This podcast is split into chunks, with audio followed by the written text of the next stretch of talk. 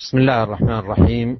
الحمد لله رب العالمين وصلى الله وسلم على عبده ورسوله نبينا محمد وعلى آله وأصحابه أجمعين. أما بعد مستمعي الأكارم لهذه الإذاعة أحييكم جميعا بتحية الإسلام فسلام الله عليكم ورحمته وبركاته. وكعادتنا في هذا البرنامج النافع الماتع المفيد بإذن الله تبارك وتعالى سنتناول حديثا عن رسول الله صلى الله عليه وسلم وفي حلقة هذا اليوم سنتناول حديثا عظيما في باب عظيم جامع لأمور من أبواب الخير العظيمة وهو حديث ثابت عن رسولنا صلوات الله وسلامه عليه. Alhamdulillah segala puji dan syukur kita panjatkan kehadirat Allah Subhanahu wa taala. Salawat dan salam senantiasa semoga tercurahkan kepada Rasulullah sallallahu alaihi wasallam dan kepada para sahabatnya seluruhnya. Uh, para pendengar sekalian dirahmati oleh Allah Subhanahu wa taala, Syekh uh, membuka pengajiannya dengan memberi salam kepada para pendengar sekalian dengan ucapannya Assalamualaikum warahmatullahi wabarakatuh. Uh, kemudian beliau menyampaikan bahwasanya uh, insya Allah dalam program kita kali ini, ya, pengajian kita kali ini seperti biasanya kita akan menyampaikan satu hadis dari hadis-hadis Nabi Shallallahu Alaihi Wasallam dan akan dijelaskan oleh beliau dengan panjang lebar. Dan pada kesempatan kali ini kita akan uh, mendengarkan sebuah hadis yang sangat agung yang mengandung banyak faedah dan mengandung banyak kandungan yang insya Allah akan uh, beliau sampaikan sebentar lagi. وقبل الدخول في حديث اليوم أبدأ بمقدمة بين يدي الحديث وأقول أيها الإخوة المستمعون كما نعلم جميعا أن الناس ولا سيما في زماننا هذا يهتمون اهتماما كبيرا بلغة الضمان والأمور المضمونة معتبرة عندهم ويعتنون بها. وهذا أمر معروف تماما ونشاهده كثيرا في بيع الناس وشرائهم وعموم تجاراتهم. ونلاحظ أن السلع والبضائع المضمونة والتي عليها ضمانات في المكانة عند الناس ليست كالسلع التي ليس عليها ضمان. وهذا يؤكد شدة اهتمام الناس بالشيء المضمون أكثر من غيره مما ليس كذلك. هذا مع التفاوت في هذه البضائع والسلع في مصداقية الضمان. أحيانا يقال إن هذه البضاعة مضمونة وتتلف بسرعة وتكون اللغة ليست صادقة. لكن إذا كان صاحب الضمان معروفا بالصدق متحليا بالوفاء والأمانة وكانت الأمور التي ينال بها الضمان سهلة وميسرة فإن هذا مما يزيد إقبال الناس على هذا الأمر المضمون. هذه مقدمة بين يدي حديث عظيم سنستمع إليه بعد قليل. Para pendengar yang berbahagia yang dirahmati oleh Allah Subhanahu wa taala, sebelum beliau menyampaikan isi daripada hadis yang sangat agung ini, beliau menyampaikan sebuah mukaddimah yaitu pengantar. Beliau mengingatkan kepada kita bahwasanya kita sekarang ini semuanya tahu, apalagi uh, di zaman kita seperti ini, kita tahu bagaimana perhatian orang-orang terhadap yang namanya jaminan atau yang namanya garansi kalau kita perhatikan, terutama tatkala dalam uh, jual beli, transaksi jual beli, orang-orang sangat memberi perhatian yang sangat perhatian yang sangat kuat terhadap masalah garansi. Kalau ada barang yang ada garansinya, ada domannya, ada jaminannya, ya, maka orang-orang akan beli barang tersebut. Berbeda dengan barang yang tidak ada jaminannya, tentunya orang tidak akan beli. Hal ini semakin membuktikan dengan kuat bahwasanya perhatian orang-orang terhadap jaminan itu, terhadap garansi sangat besar. Kemudian ternyata eh, garansi juga itu ada yang benar, ada yang tidak benar. Kita dapati sebagian barang tertulis jaminannya demikian dan demikian. Bahwasanya barang jaminan mutu mungkin dua tahun lagi baru rusak, ternyata baru dipakai, baru sebentar sudah rusak. Ini menunjukkan bahwasanya garansinya itu tidak benar, jaminannya itu tidak benar, tidak menunjukkan uh, kebaikan barang tersebut. Oleh karena itu, ini juga diperhatikan oleh uh, masyarakat. Akan tetapi, para pendengar yang hormati oleh Allah Subhanahu wa taala, pendengar radio Raja yang dimuliakan oleh Allah Subhanahu wa taala, jika yang menjamin itu dikenal selalu benar, ya, tidak seperti jaminan-jaminan yang palsu, garansi-garansi yang palsu, tapi kalau yang menjamin itu selalu dikenal dengan perkataan yang benar, kemudian untuk meraih jaminan tersebut juga mudah, maka perkaranya uh, semakin uh, mudah lagi ya. Kita lanjutkan uh, pembahasan beliau. أيها الإخوة الكرام كيف إذا عرفنا أن الضامن رسول الله صلى الله عليه وسلم الصادق المصدوق الذي لا ينطق عن الهوى إن هو إلا وحي يوحى وكيف أيضا إذا عرفنا أن المضمون جنة. عرضها السماء والأرض.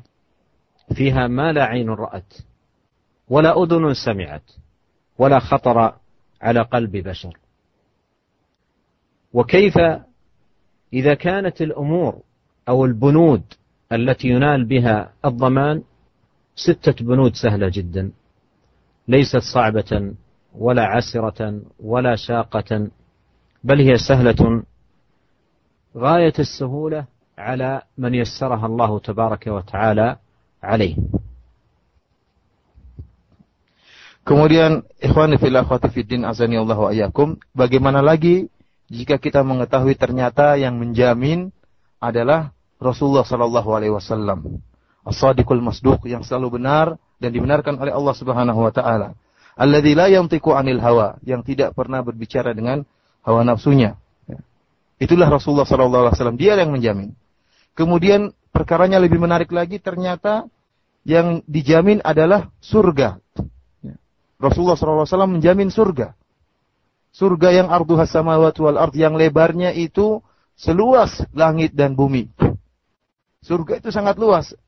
Lebarnya saja langit dan bumi, belum lagi panjangnya. Kemudian dalam surga, mala ainun ra'at, wala udhunun sami'at, wala khatara ala qalbi bashar. Di surga itu Allah menyediakan bagi kita perkara-perkara yang sama sekali tidak pernah dilihat oleh mata kita.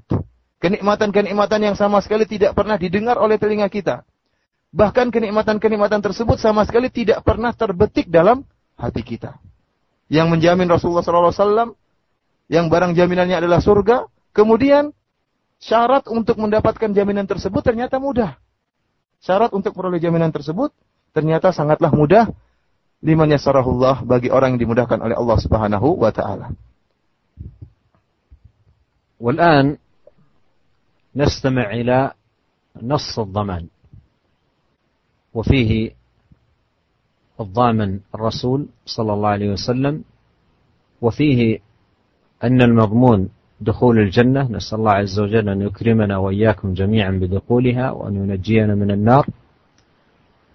وفيه بنود الضمان.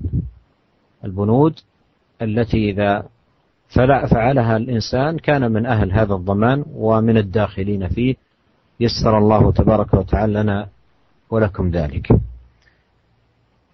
روى الإمام أحمد في المسند وغيره من أهل العلم عن عبادة بن الصامت رضي الله عنه. أن النبي صلى الله عليه وسلم قال اضمنوا لي ستا من أنفسكم. وفيه التنصيص على أن بنود الضمان ستة. وذكر النبي صلى الله عليه وسلم هذا الرقم في البداية حتى نضبط الأمر ونعتني بالبنود عناية دقيقة. فهذا العدد مطلوب والعناية بهذه الأمور مطلوبة. اضمنوا لي ستا من أنفسكم. أضمن لكم الجنة. اصدقوا إذا حدثتم وأوفوا إذا وعدتم وأدوا إذا اؤتمنتم واحفظوا فروجكم وغضوا أبصاركم وكفوا أيديكم Ikhwan fillah Allah wa iyyakum. Sekarang kita mendengarkan tentang teks daripada garansi tersebut, teks daripada jaminan tersebut. Kita ketahui bersama yang menjamin adalah Rasulullah sallallahu alaihi wasallam dan barang jaminannya adalah surga. Semoga Allah Subhanahu wa taala mudahkan kita dan para pendengar sekalian untuk masuk ke dalam surga dan semoga Allah Subhanahu wa taala menjauhkan kita semua dari api neraka yang sangat pedih. Kemudian juga tersebutkan dalam teks tersebut syarat-syarat doman. Apa saja bunutnya, apa saja syarat-syaratnya. Semoga Allah Subhanahu wa taala juga memudahkan kita untuk meraih memudahkan kita memenuhi persyaratan tersebut.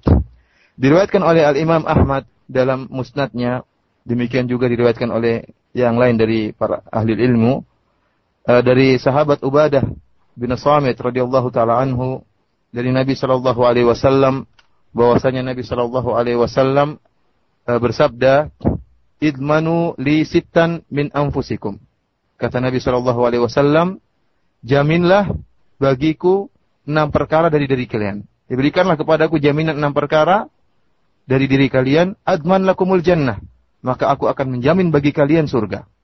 Rasulullah Wasallam menyebutkan di awal hadis ini bilangan enam, sitan kata beliau. Ini menunjukkan persyaratan agar kita bisa memperoleh jannah, memperoleh jaminan kita harus memenuhi enam persyaratan yang akan disebutkan oleh Nabi Wasallam. Dan penyebutan angka enam ini bukan sia-sia, tapi agar kita memperhatikan dan benar-benar kita berusaha untuk memenuhinya. Penuh, penuhilah bagiku enam perkara, adman lakumul jannah, maka saya akan menjamin bagi kalian surga. Apa yang pertama kata Rasulullah sallallahu alaihi wasallam, usduqu idza haddatstum. Hendaknya hendaknya kalian jujur tatkala kalian berbicara. Wa aufu idza wa'adtum. Dan hendaknya kalian memenuhi janji jika kalian berjanji. Wa addu idza tumintum Dan hendaknya kalian menunaikan amanah jika kalian diberi amanah wahfazu furujakum dan hendaknya kalian menjaga kemaluan-kemaluan kalian. Wa guddu absarakum dan hendaknya kalian menjaga pandangan-pandangan kalian. Wa kufu aidiyakum dan tahanlah tangan-tangan kalian. أخي المستمع يا من تريد لنفسك الفوز برضا الله والفوز بجنته والنجاة من عقابه. أنصحك أن تضبط هذه البنود وأن تعتني بها. واكتبها عندك.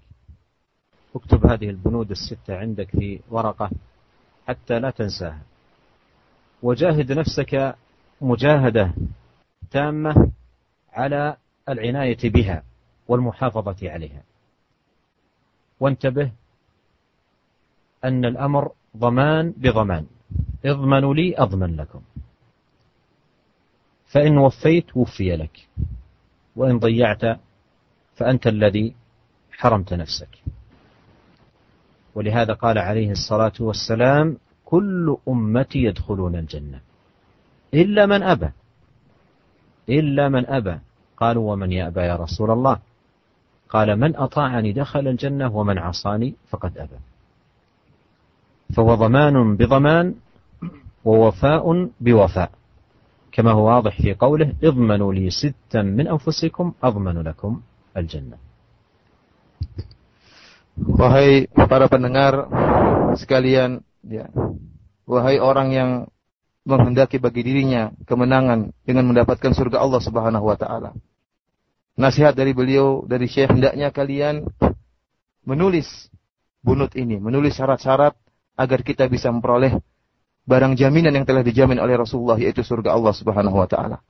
Tulis enam persyaratan ini dalam kertas agar kita tidak melupakannya. Kemudian kita berusaha untuk memahaminya, memperhatikannya dan untuk mengamalkannya. Perkaranya yang disebutkan dalam hadis ini perkaranya adalah jaminan dengan jaminan. Kalau kita menjamin bagi Rasulullah, kita melakukan enam perkara, maka jaminan dari Rasulullah akan datang, itu kita mendapatkan surga. Kalau kita berhasil mendatangkan jaminan tersebut, bisa melaksanakan enam perkara tersebut, maka tentunya Rasulullah tidak akan berdusta. Maka surga akan datang menemui kita. Namun jika ternyata kita melalaikan enam perkara tersebut, maka sungguhnya kita sendiri yang telah menghalangi diri kita dari masuk dalam surga. Oleh karena itu Nabi Shallallahu Alaihi Wasallam pernah bersabda, "Kullu ummati yadkhulul jannah." Seluruh umatku masuk dalam surga. Seluruh umatku pasti masuk dalam surga, ilaman aba, kecuali yang enggan. Para sahabat bingung, mereka bertanya, "Waman ya Rasulullah?" Barang siapa yang enggan masuk surga ya Rasulullah? Kata Rasulullah SAW, barang siapa yang taat kepada kaum masuk surga, dan waman asani faqad aba, dan barang siapa yang bermaksiat kepadaku, maka dia telah enggan masuk surga.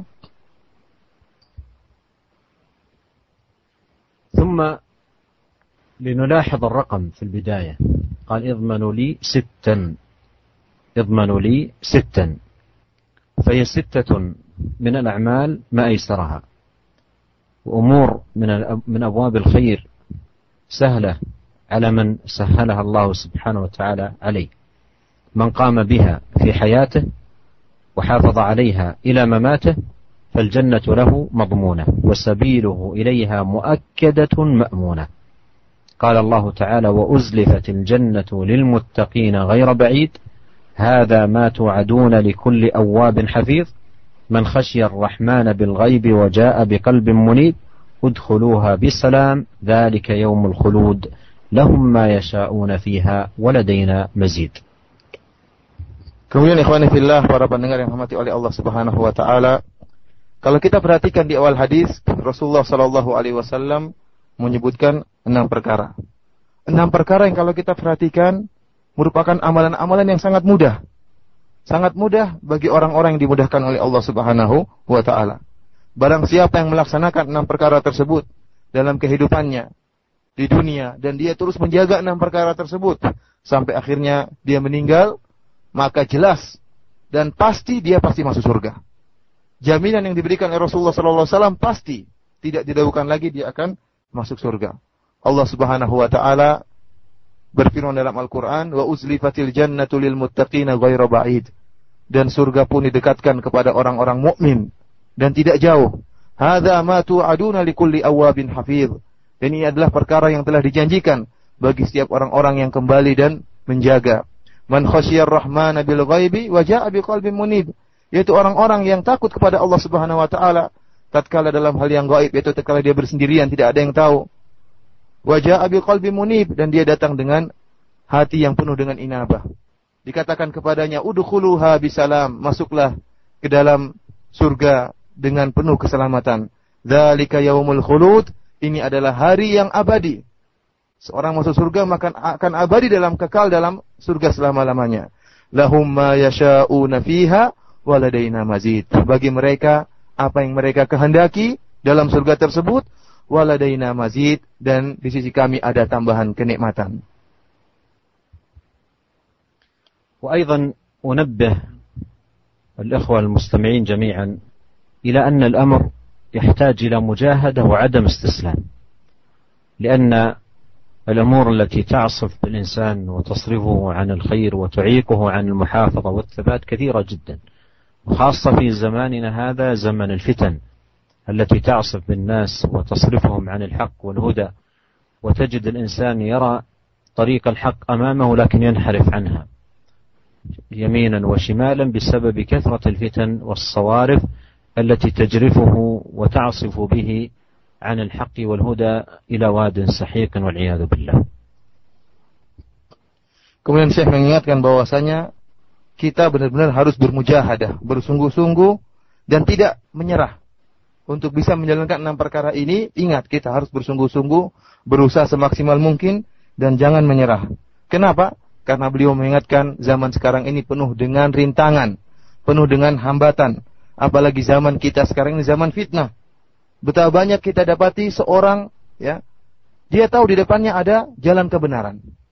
Di depannya ada tori koswab, tapi dia berpaling pergi ke kanan, pergi ke kiri. Kenapa? Karena terlalu banyak rintangan, terlalu banyak hambatan, terlalu banyak hal-hal yang bisa menggelincirkan dia, yang bisa merayu dia, sehingga dia berpaling daripada jalan kebenaran. Oleh karena nasihat beliau, kita dari sekarang benar-benar berniat kemudian berusaha bersungguh-sungguh untuk bisa melaksanakan enam perkara uh, yang tadi yang telah disebutkan. والآن نبدأ في البنود بنود الضمان فمع البند الأول وهي قوله عليه الصلاة والسلام في هذا الحديث أصدقوا إذا حدثتم وهذا فيه أهمية المحافظة محافظة المسلم على الصدق. وأن يكون دائما مع الصادقين وفي ركبهم كما قال الله سبحانه وتعالى يا أيها الذين آمنوا اتقوا الله وكونوا مع الصادقين. فيجاهد نفسه على أن يكون من ركب الصادقين لا أن يكون من ركب الكاذبين.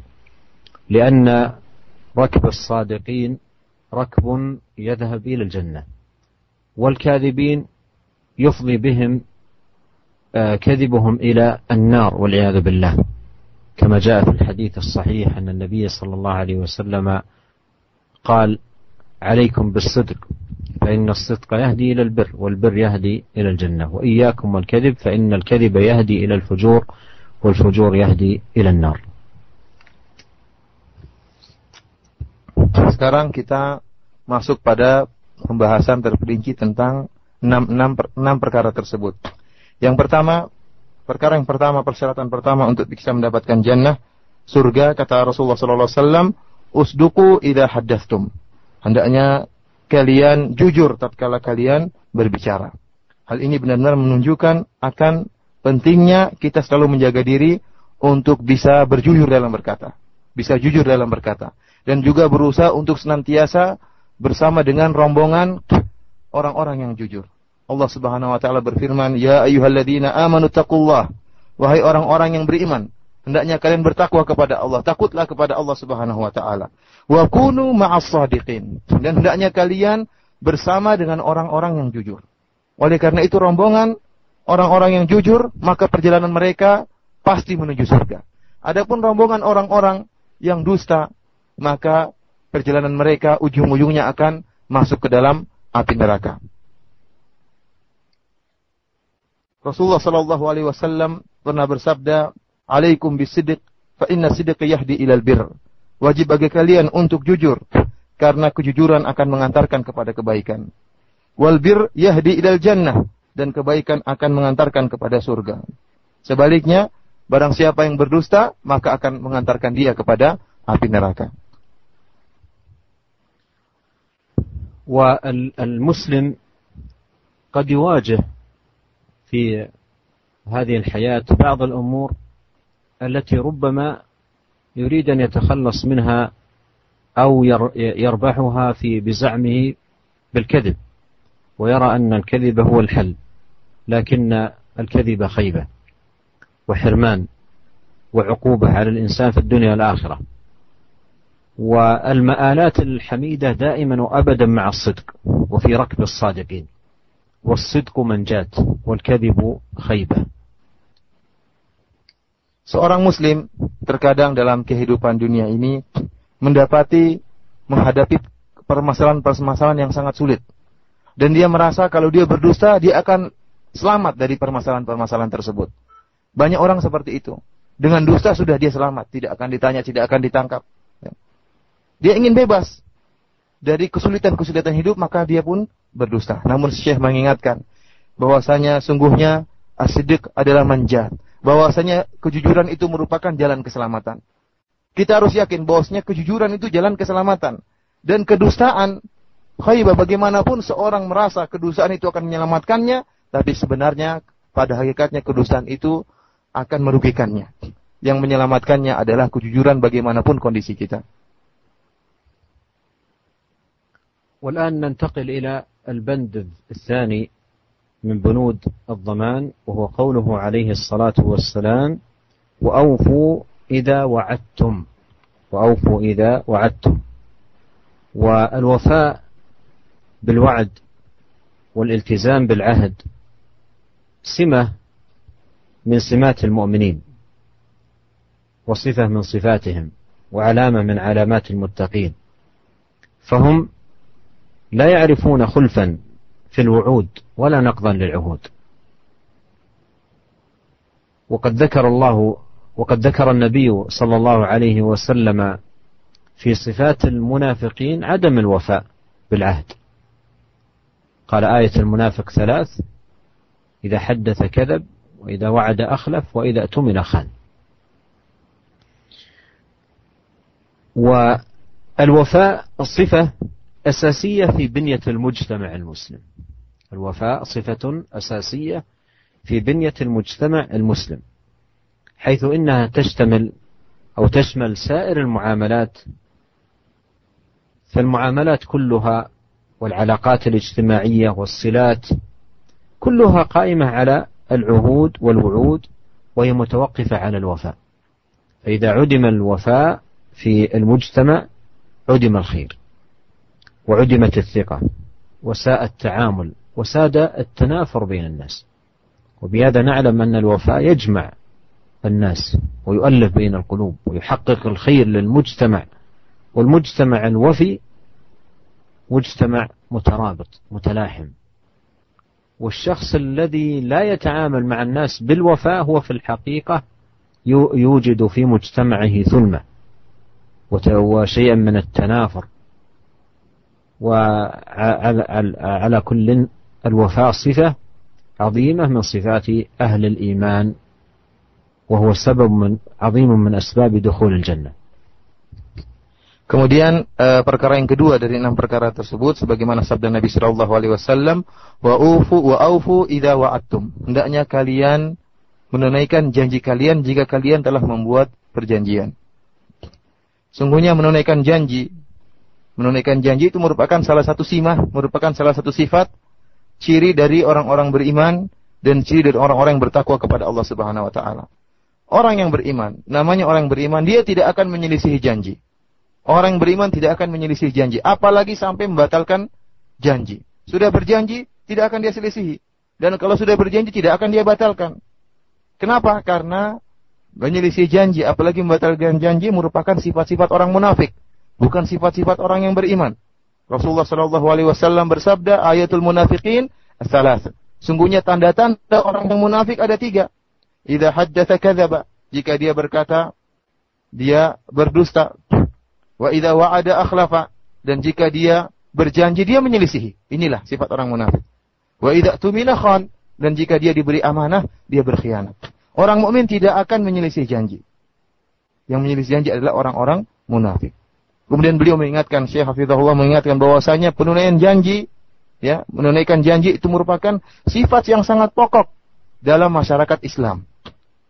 Kita tahu bahwasanya alaqah hubungan-hubungan yang ada dalam hubungan kemasyarakatan itu dibangun di atas perjanjian, dibangun di atas transaksi, ya, dalam jual beli. Banyak sekali perkara-perkara yang berjalan, perkara-perkara yang berjalan di, di masyarakat dibangun di atas perjanjian, dibangun di atas akad, di atas transaksi. Dan sangat hal ini sangat menunjukkan dibutuhkan adanya penunaian dalam melaksanakan janji-janji tersebut. Jika dalam masyarakat ada penunaian terhadap janji-janji atau akad-akad yang berjalan di, antara, di antara mereka, maka masyarakat tersebut akan menjadi masyarakat yang saling e, bersatu, yang tidak ada permasalahan di antara mereka. Berbeda dengan masyarakat yang ternyata personel-personelnya itu menyelisih janji. Orang yang menyelisih janji dalam hubungan kemasyarakatan, dia akan menimbulkan tanafur, dia akan menimbulkan e, ke kejauhan di antara masyarakat, menimbulkan permusuhan di antara masyarakat. Oleh karena itu, Beliau mengingatkan bahwasanya al-wafa bil bil uhud atau bil uqud bahwasanya menunaikan janji merupakan sifat yang sangat penting bagi seorang muslim dan juga sifat yang sangat penting dalam masyarakat Islami. والخصلة الثالثة أو البند الثالث من بنود الضمان أداء الأمانة. قال أدوا إذا تمنتم. وأداء الأمانة من أعظم الصفات الخلقية التي مدح الله عز وجل أهلها وأثنى على القائمين بها والذين هم لأماناتهم وعهدهم راعون. وهي من كمال إيمان المرء وحسن إسلامه. وبالأمانة أيها الإخوة المستمعون يحفظ الدين. وبالأمانة تحفظ الأعراض. وبالأمانة تحفظ الأموال. وبالأمانة تحفظ الأجسام والأرواح. وبالأمانة تحفظ العلوم. وإذا ضاعت الأمانة لدى الإنسان ولم يكن أمينا لا يبالي في أن يسيء إلى الدين. لا يبالي إلى أن يسيء إلى الأعراض. لا يبالي أن يسيء الأعراض. لا يبالي إلى أن يسيء الأموال. أموال الناس. لا يبالي أن يسيء إلى أجسامهم.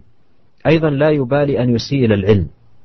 الشخص الذي ليس بأمين يتكلم في أمور العلم ومسائل العلم بلا مبالاة.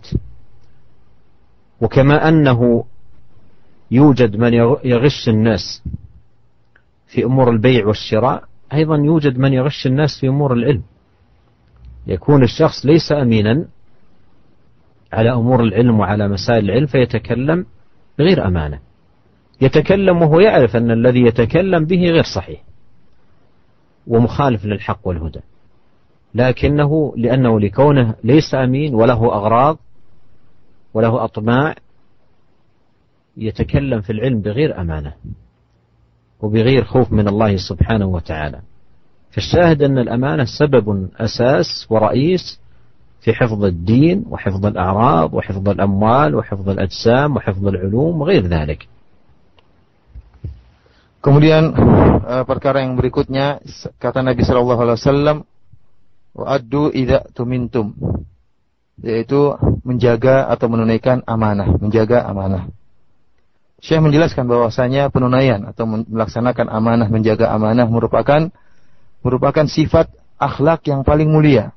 Sampai-sampai Allah Subhanahu wa taala memuji orang-orang yang melaksanakan amanah. Kata Allah Subhanahu wa taala, "Walladzina hum bi amanatihim wa ahdihim ra'un." Itu orang-orang yang mereka memperhatikan amanah-amanah mereka. Mereka menunaikan amanah-amanah mereka. Karena dengan amanah, maka agama ini bisa terjaga. Kemudian a'rad, orang-orang juga bisa jaga. Harga harga diri dan martabat manusia pun bisa terjaga. Dengan apa? Dengan amanah. Kemudian juga jasad orang, arwah orang, ruh-ruh orang, nyawa orang bisa terjaga. Bahkan dengan amanah, ilmu juga bisa terjaga. Kalau kita perhatikan, jika seorang sudah kehilangan amanah, tidak amanah, maka orang tersebut akan bertindak semaunya. Kenapa? Dia tidak amanah, tidak peduli dengan apa yang dia lakukan. Dia tidak peduli jika dia merusak agama ini, tidak peduli. Dia tidak peduli tatkala dia merusak atau merugikan harta orang lain. Tatkala dia menjatuhkan harta, harkat dan martabat orang lain, tidak peduli, ngomong seenaknya. Demikian juga orang yang tidak punya amanah, jika bicara tentang ilmu, maka dia tidak peduli dengan apa yang keluar dari mulutnya. Syekh mengingatkan, Syekh Hafizullah mengingatkan bahwasanya, kita tahu, di pasar sana ada orang yang tidak amanah. Orang yang berbuat gish, berbuat curang, penipuan, tatkala melakukan jual beli. Tatkala baik wasyira, tatkala melaksanakan jual beli transaksi, dia berbuat gish, dia berbuat curang, tidak jujur, dusta, agar barangnya laku. Demikian juga mengenai masalah ilmu. Ilmu agama ini ada juga ada orang yang tidak amanah. Ada orang yang tidak amanah yang menyampaikan ilmu. Dia tidak peduli dengan apa yang keluar dari mulutnya. Padahal yang disampaikan adalah ilmu yang berkaitan dengan agama. Bahkan terkadang dia tahu apa yang dia sampaikan itu tidak benar. Namun karena mengikuti hawa nafsunya, karena dia punya tujuan-tujuan tertentu, atau mungkin karena ingin mencari pengikut, akhirnya dia berbicara tentang masalah agama tanpa amanah. Padahal dia tahu perkataan dia itu tidak benar. وقد جاء في الحديث عن النبي صلى الله عليه وسلم أنه قال المؤمن من أمنه الناس على أموالهم وأنفسهم. وإذا سادت الأمانة في المجتمع عظم تماسك المجتمع وقوي ترابطه وعم فيه الخير والبركة. لكن والعياذ بالله إذا كان تعامل الناس مبني على غير الأمانة سواء فيما يتعلق بالأموال أو ما يتعلق بالأعراض أو ما يتعلق بالعلوم أو غير ذلك فإن الفساد يفسو والشر يعظم والمجتمع يصيبه الهلاك والعياذ بالله Dalam sebuah hadis disebutkan bahwasanya Rasulullah sallallahu alaihi wasallam bersabda, Al-mu'min man aminahun nas ala anfusihim wa amwalihim. Namanya orang beriman yaitu yang masyarakat atau manusia itu aman dari gangguannya terhadap diri-diri mereka dan harta-harta mereka. Itu seorang mukmin. Orang mukmin yang amanah. Jadi masyarakat tidak khawatir terganggu terganggu diri mereka dan juga tidak terganggu harta-harta mereka. Oleh karena itu beliau mengingatkan jika amanah tersebar dalam masyarakat ya, dan ini subhanallah sangat hilang ya di kalangan masyarakat bahkan kalangan masyarakat muslim nama aman namanya amanah sudah sudah, sudah hampir hilang ya kata beliau kalau seandainya amanah itu tersebar dalam masyarakat maka kita akan dapati kebanyakan yang tersebar dalam masyarakat masyarakat juga akan penuh e, tarabut di antara mereka saling bersatu saling rukun di antara mereka berbeda dengan orang yang jika, e, jika tersebar tidak amanah tersebar dalam masyarakat manusia tidak amanah, masyarakat tidak amanah, baik dalam perkara yang berkaitan dengan harta maupun yang berkaitan dengan jiwa maupun yang berkaitan dengan harga diri manusia maupun yang berkaitan dengan agama dan ilmu agama. Kalau tidak ada amanah, ya, amanah sudah hilang dari masyarakat, maka yang akan timbul adalah kerusakan. Jangan dianggap sepele masalah amanah. Kalau amanah tidak ada dalam masyarakat, yang timbul adalah kerusakan. Yang timbul adalah keburukan, tersebar dalam masyarakat. Dan ini yang kita lihat di negeri kita sekarang ini. Tidak adanya amanah menimbulkan kerusakan dan menimbulkan keburukan yang tersebar di masyarakat kita. هذه ثلاث خصال بدأ فيها بدأ هذا الحديث بها قال اصدقوا إذا حدثتم وأوفوا إذا وعدتم وأدوا إذا أتمنتم أضدادها أضداد هذه الخصال الثلاث جمعت في حديث واحد أوصافا للمنافقين. قال عليه الصلاة والسلام آية المنافق ثلاث إذا حدث كذب وإذا وعد أخلف وإذا أؤتمن خان. وهذه الثلاث هي أضداد هذه الثلاث التي سمعناها الآن في هذا الحديث. فإذا هذه الصفات الثلاث صفات لأهل الإيمان وأضدادها صفات لأهل النفاق. Tiga perkara yang tadi telah uh, kita sebutkan yaitu bahwasanya jika kalian berbicara maka hendaknya kalian jujur. Dan jika kalian berjanji maka ditunaikan. Dan jika kalian diberi amanah maka ditunaikan ya. Ini tiga perkara ini ya, tergabung jadi satu lawannya tergabung jadi satu dalam satu hadis yaitu tanda-tanda orang-orang munafik ya. Kalau tiga perkara ini merupakan tanda-tanda orang beriman lawannya merupakan tanda-tanda orang munafik. Sebagaimana tadi telah kita sebutkan Rasulullah SAW bersabda ayatul munafikin ayatul munafik salah bahwasanya tiga tanda-tanda orang munafik itu ada tiga. Yaitu idza haddatsa kadzaba jika dia berkata dia berdusta. Kemudian jika dia wa ada akhlafa kalau dia berjanji dia menyelisihi wa idza tumina khan dan jika dia diberi amanah dia berkhianat ya. الآن ننتقل إلى الخصلة الرابعة أو البند الرابع من بنود الضمان حفظ الفرج قال واحفظوا فروجكم. أي احفظوها من أن تفعل الحرام. أو تقع في الفاحشة والباطل. قال الله تعالى ولا تقربوا الزنا. إنه كان فاحشة وساء سبيلا. وقال جل وعلا والذين هم لفروجهم حافظون إلا على أزواجهم أو ما ملكت أيمانهم فإنهم غير ملومين. فمن ابتغى وراء ذلك فأولئك هم العادون. Dan perkara yang keempat, kata Rasulullah SAW, ihfadu furujakum. Hendaknya kalian menjaga kemaluan-kemaluan kalian. Jadi, perkara yang keempat ini adalah perkara yang sangat penting, yaitu hendaknya kita menjaga kemaluan kita, jangan sampai kita terjerumus dalam perbuatan keji, dalam perbuatan kemaksiatan yang berkaitan dengan kemaluan. Oleh karena itu Allah Subhanahu wa taala berfirman dalam Al-Qur'an, "Wala taqrabuz zina. Innahu kana fahishatan wa sa'a sabila." Kata Allah Subhanahu wa taala, janganlah kalian mendekati zina. Bukan jangan mengerjakan, janganlah kalian mendekati zina. Sungguhnya zina itu merupakan pekerjaan yang sangat keji dan jalan yang sangat buruk. Kemudian Allah Subhanahu wa taala memuji orang-orang yang bisa menjaga kemuliaan mereka. Kata Allah Subhanahu wa taala, "Walladzina hum li furujihim hafizun illa ala azwajihim aw ma malakat aymanuhum fa innahum ghairu malumin." Faman ibtagha wara'a dzalika fa ulaika yaitu orang-orang yang menjaga kemaluan mereka kecuali terhadap istri-istri mereka. Mereka tidak uh, membiarkan kemaluan mereka kecuali kepada istri-istri mereka atau kepada budak-budak mereka. Adapun orang-orang yang menghendaki di balik itu, ya, ingin memuaskan hawa nafsunya bukan kepada istri-istri mereka, faulaika humul adun. Mereka adalah orang-orang yang telah berbuat atau melampaui batas. ومما يدل على خطورة الزنا والعياذ بالله أنه جاء في القرآن وفي السنة قرينا للشرك. قال الله ونحن نعلم أن الشرك أعظم الذنب أعظم ذنب عصي الله به. قال الله تعالى والذين لا يدعون مع الله إلها آخر ولا يقتلون النفس التي حرم الله إلا بالحق ولا يزنون. وقال الله تعالى الزانية وقال الله تعالى الزاني لا ينكح إلا زانية أو مشركة. والزانية لا ينكحها إلا زان أو مشرك. وفي الحديث يقول أن النبي عليه الصلاة والسلام سئل أي الذنب أعظم؟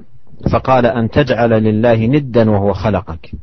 قال ثم أي؟ قال أن تقتل ولدك خشية أن يطعم معك. قال ثم أي؟ قال أن تزاني halila tajarik. Kemudian di antara perkara yang menunjukkan bahayanya zina yaitu Allah Subhanahu wa taala telah menggandengkan zina, menyebutkan zina digandengkan dengan kesyirikan.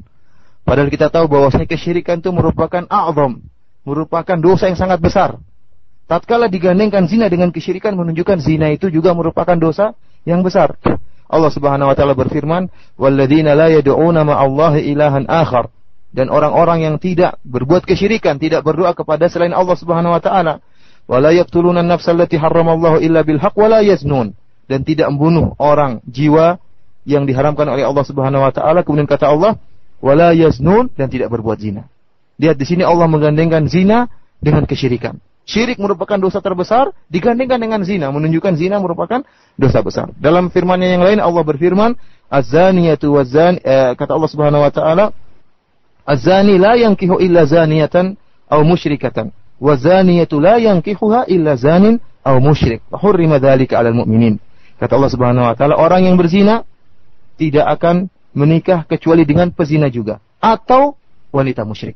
Bayangkan Allah Allah mengatakan laki-laki yang berzina tidak akan menikah kecuali dengan wanita pezina juga atau dengan wanita musyrik. Kemudian kata Allah Subhanahu wa taala, "Wa zaniyatu la yankihuha." Demikian juga wanita pezina tidak akan menikahinya kecuali pezina juga atau laki-laki musyrik.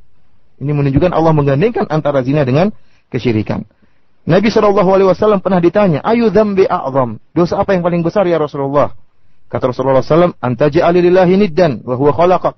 Engkau mengambil menjadikan tandingan bagi Allah padahal Allah yang telah menciptakan engkau. Ini kesyirikan. Kemudian ditanya lagi, apalagi selanjutnya Rasulullah? Engkau membunuh anakmu karena engkau takut anakmu makan bersama engkau. Rasulullah ditanya lagi, Suma ayun, apalagi ya Rasulullah? Kata Rasulullah SAW, Antuzaniya halila tajarik. Engkau berzina dengan istri tetanggamu. Di sini digandengkan antara zina dengan kesyirikan.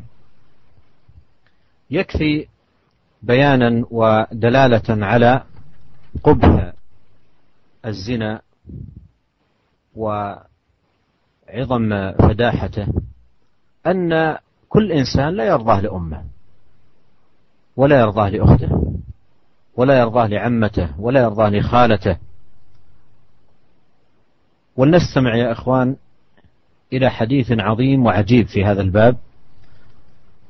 أن في في حديث أبي أمامة رضي الله عنه قال أتى رسول الله صلى الله عليه وسلم غلام شاب. فقال يا رسول الله إذن لي في الزنا. سبحان الله.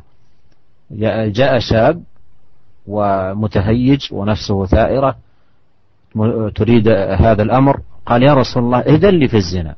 فصاح به الناس أن هذا كلام خطير جدا يقال بين يدي الرسول عليه الصلاة والسلام. فصاح به الناس وقالوا مه يعني كف عن هذا الكلام. هذه كلمة زجر. فقال النبي صلى الله عليه وسلم دروه. وهذا من رحمته ولطفه عليه الصلاة والسلام وحسن توجيهه ونصحه للناس. قال دروه ادنوا اقترب مني. هنا أيضا نتلمس في منهج عليه الصلاة والسلام منهج الرفق والنصح وحسن البيان والرحمة. فدنا حتى جلس بين يدي الرسول صلى الله عليه وسلم. فقال أتحبه لأمك؟ يعني هذا الذي أنت تقول الآن أريد أن أفعله. أتحبه لأمك؟ قال لا. قال فكذلك الناس لا يحبونه لأمهاتهم. قال أتحبه لابنتك؟ قال لا. قال وكذلك الناس لا يحبونه لبناتهم. قال أتحبه لأختك؟ قال لا. قال فكذلك الناس لا يحبونه لأخواتهم. قال أتحبه لعمتك قال لا. قال فكذلك الناس لا يحبونه لعماتهم قال أتحبه لخالتك؟ قال لا. قال وكذلك الناس لا يحبونه لخالاتهم. فاكره لهم ما تكره لنفسك. مثل ما أن المسلم يحب لأخيه ما يحب نفسه أيضا يكره لهم ما يكره نفسه. قال فاكره لهم ما تكره لنفسك وأحب لهم ما تحب لنفسك. فقال يا رسول الله ادعو الله أن يطهر قلبي. انظر إلى أهمية طهارة القلب. الرجل هذا الغلام أدرك الأمر. قال ادعو الله أن يطهر قلبي. فوضع النبي صلى الله عليه وسلم يده على صدره فقال اللهم اغفر ذنبه وطهر قلبه وحصن فرجه. دعا له بهذه الكلمات. اللهم اغفر ذنبه وطهر قلبه وحصن فرجه. قال فلم يكن بعد ذلك يلتفت إلى شيء. يعني ذهب كل هذا الأمر من نفسه. وأدعو الله سبحانه وتعالى بأسمائه الحسنى وصفاته العلى لنا جميعا أيها الأخت المستمعين أن يغفر ذنبنا وأن يطهر قلبنا وأن يحسن فرجنا إنه سميع مجيب. Uh, para pendengar yang rahmati oleh Allah Subhanahu wa taala yang cukup bagi kita untuk menunjukkan jeleknya zina, buruknya zina, kejinya zina yaitu bahwasanya setiap kita, setiap manusia tidak ridho kalau zina itu ibunya berzina. Kalau adik perempuannya berzina. Kalau bibinya berzina. Tantenya berzina. Tidak ada yang ridho. Seandainya ibu kita berzina, kita tidak mau. Ini menunjukkan zina itu keji dan sangat buruk. Dalam satu hadis dari Abu Umamah radhiyallahu taala anhu, dia berkata, ada seorang pemuda mendatangi Nabi Shallallahu Alaihi Wasallam. Masih muda, masih semangat, syahwatnya masih besar. Dia berkata, Ya Rasulullah, idzan li zina. Kata dia, ya Rasulullah, tolong izinkan saya untuk boleh berzina. Laki-laki ini masih muda dan syahwatnya sudah berkobar dan ingin berzina. Makanya dia datang menemui Rasulullah Wasallam. Padahal di hadapan para sahabat yang lain dia mengatakan ya Rasulullah izinkan saya untuk berzina. Fasohabihin nas maka orang-orang pun berteriak. Mah kata orang kata orang-orang diam engkau Jangan ngomong seperti itu. Karena kalimat ini kalimat yang sangat keji. Bagaimana dia minta izin kepada Nabi? Ternyata minta izin untuk berzina. Faqala Nabi sallallahu alaihi "Daruhu udnu." Kata Rasulullah SAW, biarkan. Dekatilah aku. Inilah menunjukkan bagaimana tarbiyah Nabi sallallahu alaihi wasallam ya. Bagaimana menghadapi pemuda seperti ini dengan sikap yang sangat lembut. Bahkan Rasulullah mengatakan, "Udnu, dekatlah kepadaku." Maka pemuda tadi pun duduk di depan Rasulullah Sallallahu Alaihi Wasallam, mendekati Nabi, kemudian duduk di hadapan Nabi Sallallahu Alaihi Wasallam. Kemudian Rasulullah Sallallahu Alaihi Wasallam bertanya kepada dia, mengajak untuk dia berpikir, atau li ummik, apakah kau mau kalau ibumu berzina? Kata dia, lah, saya tidak mau. Kata Nabi Sallallahu Alaihi Wasallam, fakadzalika nasu la yuhibbunahu li ummahatihim. Demikian juga masyarakat, mereka tidak mau kalau ibu-ibu mereka berzina. Pertanyaan kedua kata Rasulullah, "Atuhibbuhu li bintik, libnatik? Apakah kau ridho kalau putrimu berzina?" Kata dia, "Tidak ya Rasulullah." Kata Rasulullah sallallahu alaihi wasallam, demikian juga masyarakat semua tidak ada yang mau kalau putri-putri mereka berzina. Rasulullah bertanya lagi, "Atuhibbuhu li ukhtik? Apakah kau ridho kalau saudara perempuanmu berzina, adik perempuanmu berzina, kakak perempuanmu berzina?" Maka dia berkata, "Tidak ya Rasulullah." Rasulullah SAW bersabda, "Fakadzalikan nas la yuhibbunahu li akhawatihim." Demikian juga masyarakat, manusia tidak senang kalau saudara-saudara perempuan mereka berzina. Rasulullah bertanya lagi, "Apakah kau suka atau hibbuhu li ammatik? Apakah kau ridho kalau seandainya bibikmu berzina, tantemu berzina?" Dia berkata, "Tidak." Rasulullah SAW berkata, demikianlah manusia juga tidak mau kalau tante dan bibi-bibi mereka berzina. Fakrah lahum ma takrahu li nafsi. Kata Rasulullah SAW, kalau begitu, bencilah ya, apa yang kau benci. Kalau mereka benci, maka engkau juga hendaknya benci. Dan sukailah apa yang mereka sukai. Kalau mereka sukai, maka sukailah perkara itu bagi dirimu. Kemudian Rasulullah Shallallahu Alaihi Wasallam, kemudian uh, pemuda tadi berkata, Ya Rasulullah, Udu Allah an yutahhira qalbi. Kata dia ya Rasulullah ya. Doakanlah kepada Allah untuk mensucikan hatiku. Rasul pemuda ini sudah sadar bahwasanya hatinya ternyata penuh dengan syahwat yang berkobar-kobar dan dia ingin berzina, makanya dia datang kepada Nabi untuk izin berzina. Maka dia tahu tidak ada jalan keluar kecuali Allah membersihkan hatinya. Dia pun minta kepada Rasulullah, "Ya Rasulullah, doalah kepada Allah, berdoakanlah aku agar Allah mensucikan hatiku." Maka Nabi Shallallahu alaihi wasallam pun meletakkan tangannya di atas dada pemuda tadi. Kemudian dia berkata, Allahumma gfir dambah. Ya Allah, ampunilah dosa pemuda ini. Wa tahhir qalbah. Ya Allah, sucikanlah hati pemuda ini. Wa hasin farjah. Dan ya Allah, jagalah kemaluan lelaki ini, pemuda ini. Qala falam yakun ba'da dzalik yaltafitu. Setelah itu, orang ini sama sekali tidak pernah uh, kepingin sama sekali dengan perkara-perkara zina dan sebagainya. Oleh karena itu kita berdoa kepada Allah Subhanahu wa taala agar Allah Subhanahu wa taala mengampuni dosa-dosa kita dan mensucikan hati-hati kita dan menjaga kemaluan kita. أكبر واعظ الإنسان وزاجر في هذا الباب أن يعلم أن الله سبحانه وتعالى يراه وأنه جل وعلا مطلع عليه فيجب عليه أن يستحي من الله الذي أعطاك العين وأعطاك الفم وأعطاك اليد وأعطاك الفرج وأنعم عليك بهذه النعم يراك. ولهذا يذكر أن رجلا جاء إلى أحد العلماء يستنصحه يستنصحه وقال إن نفسي تريد هذا الأمر. قال له افعل هذا الأمر في مكان لا يراك الله. قال ما أستطيع. أينما أكون الله يراني ويطلع علي. قال إذا افعل هذا الأمر ولا تستعمل فيه أي نعمة من نعم الله عليك. قال ما يمكن. لا يمكن أن أن أفعل إلا بنعمة الله علي. فقال ما تستحي من الله؟ تستعمل نعمة الله عليك فيما يغضب الله والله يراك ويطلع عليك. وأيضا يذكر أن رجل جاء لامرأة ترعى الغنم في في الصحراء. وجدها وحدها راودها عن نفسها. قال لها نحن في مكان لا يرانا إلا الكواكب ما من أي شيء تخافين؟ لا يرانا إلا النجوم نجوم السماء. قالت أين مكوكبها؟ أين خالق هذه الكواكب والنجوم؟ ألا يرانا؟ ألا يطلع علينا؟ أي أنه يجب علينا أن نستحي من الله سبحانه وتعالى.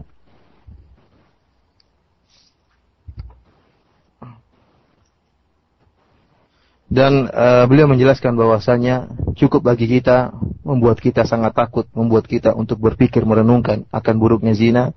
Ketahuilah bahwasanya Allah Subhanahu wa taala melihat perbuatan kita. Maka oleh karena itu hendaknya kita malu kepada Allah Subhanahu wa taala. Bukankah Allah Subhanahu wa taala pencipta kita yang telah memberikan kita kenikmatan berupa mulut, berupa penglihatan, kemudian juga yang telah memberikan kita kenikmatan yang banyak di antaranya kemaluan. Bukankah Allah Subhanahu wa taala melihat kita?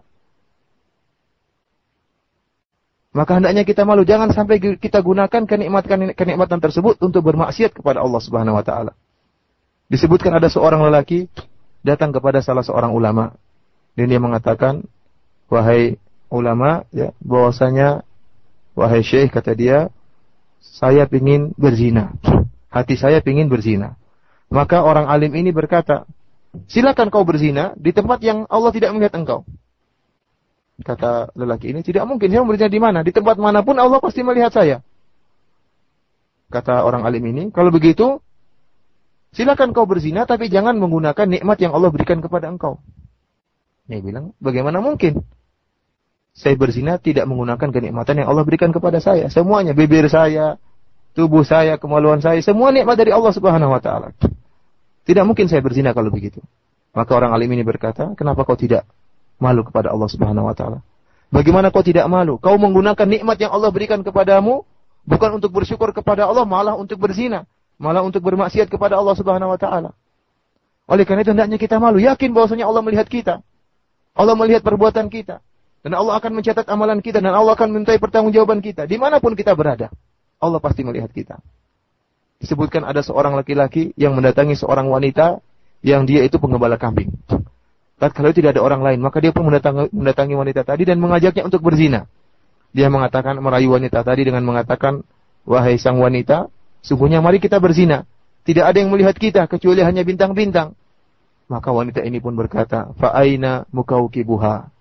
Mana pencipta bintang-bintang tersebut? Bukankah Allah melihat kita? Maka laki-laki ini pun kaget tersentak dengan pertanyaan wanita ini. ولهذا ذكر الشيخ الشنقيطي رحمه الله في كتابه أضواء البيان في تفسير القرآن أن العلماء أجمعوا على أن أكبر واعظ وأعظم زاجر وأكبر موعظة هي علم العبد بأن الله يراه علم العبد بأن الله يراه وإذا استقر في قلبك هذا الأمر أن الله يراك ومطلع عليك وجد في قلبك خشية الله سبحانه وتعالى بالغيب والبعد عن الأمور التي تسخطه سبحانه وتعالى وتغضبه Oleh karena itu, Syekh eh, Muhammad Al-Amin Asy-Shinqiti dalam kitabnya rahimahullah dalam kitabnya Adwaul Bayan menyebutkan bahwasanya para ulama sepakat bahwasanya perkara yang paling besar yang paling merupakan mau'izah nasihat kepada masyarakat yang paling bisa melarang masyarakat untuk terjatuh dalam perzinahan yaitu dalam kemaksiatan yaitu bahwasanya keyakinan kita bahwasanya Allah Subhanahu wa taala mengetahui melihat segala sesuatu melihat apa yang terjadi melihat apa yang kita lakukan. Kalau seorang dalam hatinya sudah tumbuh perasaan ini tertanam tertancap dalam dadanya bahwasanya Allah Maha melihat segala sesuatu melihat segala tindak tanduk dia, maka dia akan berhenti dari kemaksiatan. Ya. Kalau benar-benar terlalu tertancap dalam hatinya dan akan timbul rasa takut dalam dirinya, meskipun dia fil ghaib, meskipun dia bersendirian, meskipun tidak ada orang yang melihat dia, tapi kalau tertancap dalam dirinya Allah Maha melihat dia, maka dia akan berhenti dari kemaksiat, kemaksiatannya.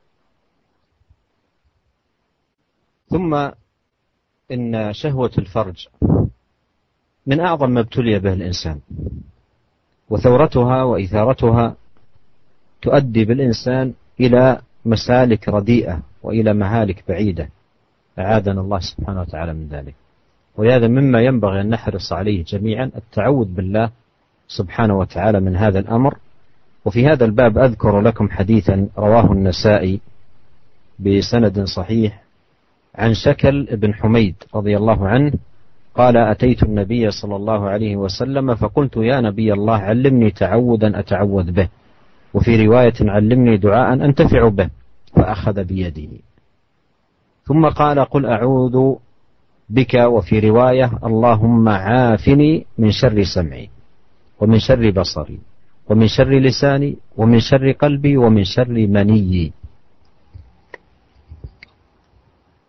Kemudian ikhwan fillah para pendengar yang rahmati oleh Allah Subhanahu wa taala, kita ketahui bersama bahwasanya syahwat farj, syahwat dari kemaluan itu merupakan bala yang paling besar yang menimpa seorang manusia ya.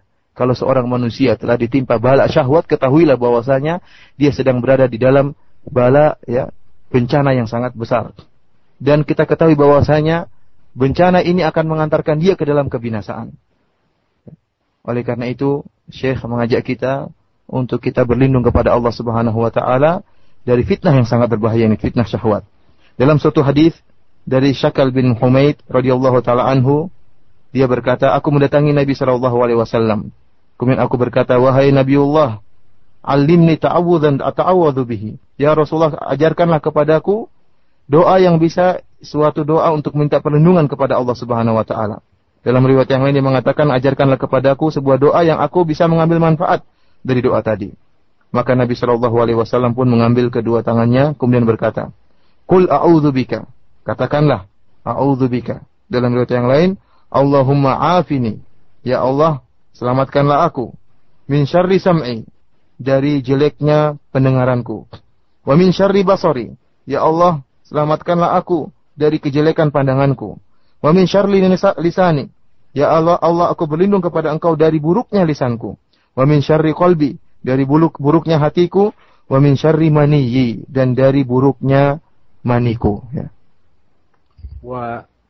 والسمع والبصر واللسان هذه منافذ لأن الوقوع في هذه الفاحشة تبدأ بسماع محرم أو تبدأ بنظر محرم أو تبدأ بحديث محرم ثم بعد ذلك يقع أو تقع الفاحشة التي وصفها الله سبحانه وتعالى بأنها ساء سبيلا Dalam hadis ini Rasulullah Shallallahu Alaihi Wasallam mengajarkan dia untuk berlindung kepada Allah dari kejelekan pendengaran, kejelekan penglihatan dan kejelekan kejelekan lisan.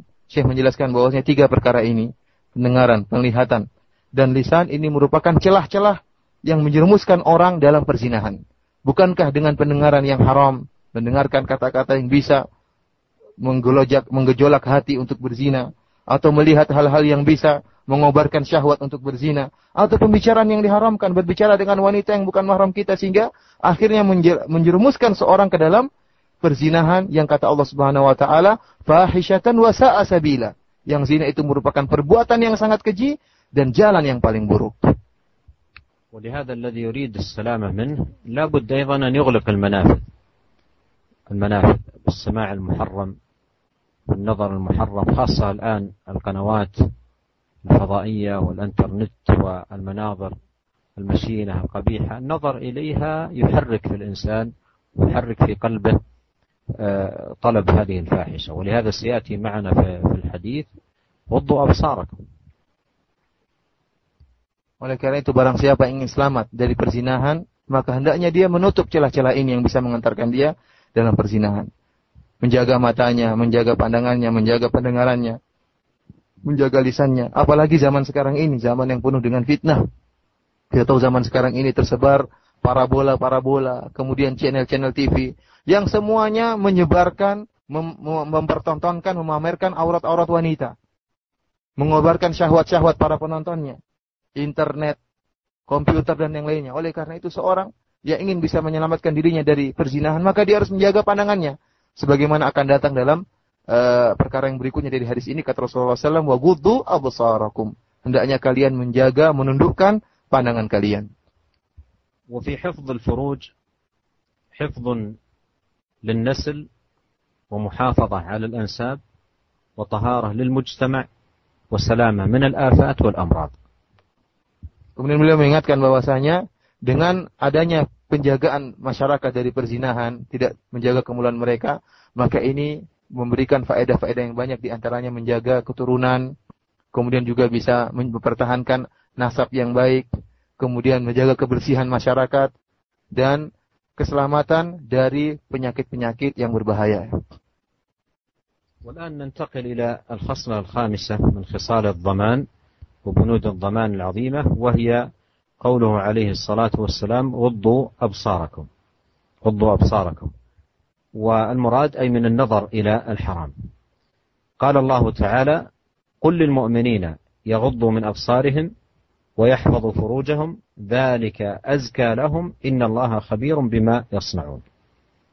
وقل للمؤمنات يغضضن من أبصارهن ويحفظن فروجهن. إلى آخر الآية الكريمة. وغض البصر فوائده عظيمة جدا. فهو يورث العبد حلاوة الإيمان ونور الفؤاد وقوة القلب وزكاء النفس وصلاحها. وفيه وقاية للنفس من التطلع للحرام والتشوف للفاحشة والباطل. Kemudian ikhwani fillah para pendengar Radio Raja yang dirahmati oleh Allah Subhanahu wa taala, kita masuk pada perkara yang kelima, sabda Nabi sallallahu alaihi wasallam, "Wa ghuddu absarakum." Hendaknya kalian menundukkan pandangan kalian. Maksudnya apa? Dari melihat perkara-perkara yang diharamkan oleh Allah Subhanahu wa taala. Allah Subhanahu wa taala telah menyampaikan dalam Al-Qur'an kata Allah Subhanahu wa taala, "Kullil mu'minina yaghuddu min absarihim wa yahfazu furujahum. Dzalika azka lahum. Innallaha khabirum bima yasnaun." Kata Allah Subhanahu wa taala, katakanlah kepada orang-orang mukmin agar mereka menundukkan pandangan-pandangan mereka dan untuk menjaga kemuliaan-kemuliaan mereka. Karena perkara itu, tindakan mereka itu adalah azgalahum, lebih suci bagi mereka. Sungguhnya Allah Subhanahu wa taala Maha mengetahui apa yang telah mereka lakukan. Demikian juga, wa kullil mu'minati yaghdudna min absarihinna wa yahfazna furujahun. Dan katakanlah juga kepada wanita-wanita mukminah.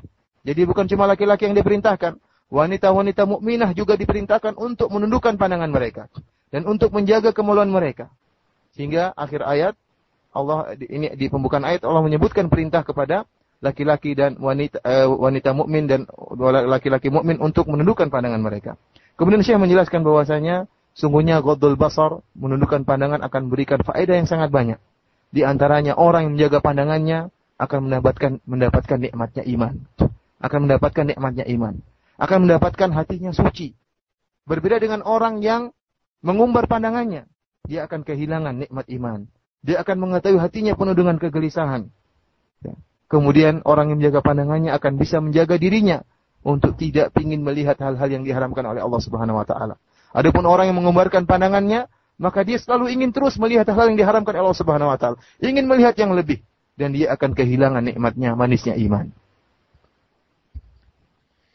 ومعنى قوله جل وعلا قل للمؤمنين يغضوا من أبصارهم أي من أن النظر إلى العورات وإلى النساء الأجنبيات وإلى المردان الذين يخاف بالنظر إليهم الفتنة. وهذا المنع للنفس من هذا النظر المنهي عنه هو في الحقيقة صيانة للإنسان من الوقوع في الفاحشة. ولهذا قال الله سبحانه وتعالى ذلك أي الحفظ للأبصار والحفظ الفروج أزكى لهم أي أطهر وأطيب وأن وأنمى لأعمال الإنسان.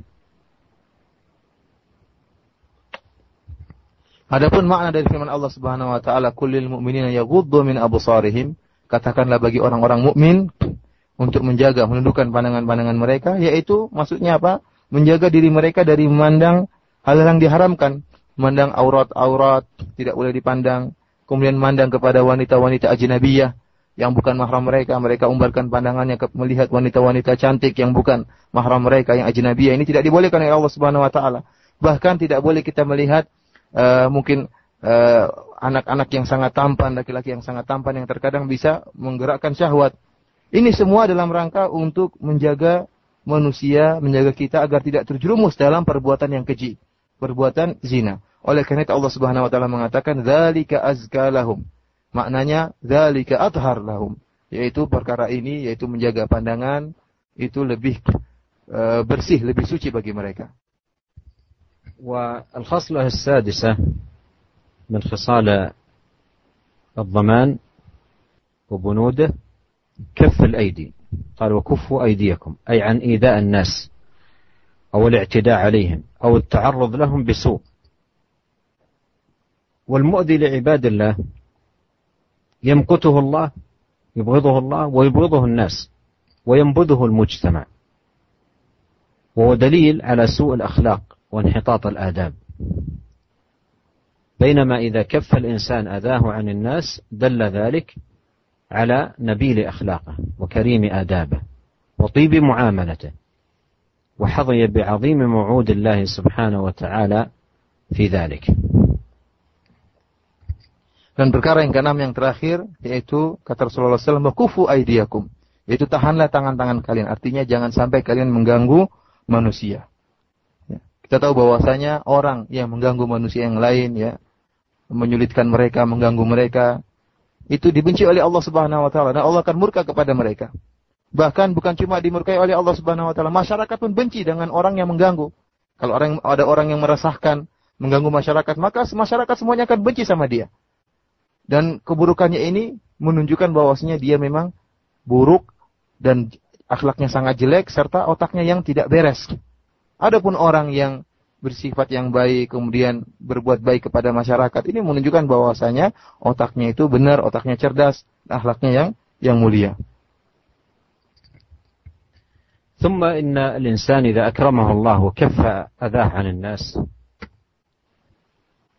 وزاد على ذلك بأن حرص على إبعاد الأذى عن الناس ليس فقط يكف الأذى لا أيضا يحرص على إبعاد الأذى عن الناس ويميط الأذى عن طريقهم. هذا ثوابه عند الله سبحانه وتعالى عظيم.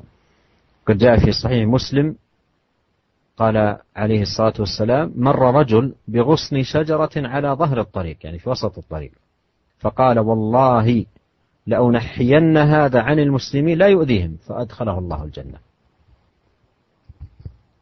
Kemudian jika Allah Subhanahu wa taala jika Allah Subhanahu wa taala memulihkan seorang hamba ya, maka hamba tersebut bukan hanya mencegah dirinya untuk tidak mengganggu orang. Bahkan seorang hamba yang mulia yang dimuliakan oleh Allah berusaha untuk menghilangkan gangguan yang bisa mengganggu orang lain, yang bisa mengganggu masyarakat. Dia tidak tentram kalau ada gangguan yang akan mengganggu masyarakat. Dalam satu hadis kata Rasulullah sallallahu alaihi wasallam, "Marra rajulun bi syajaratin ala dhahri tariq."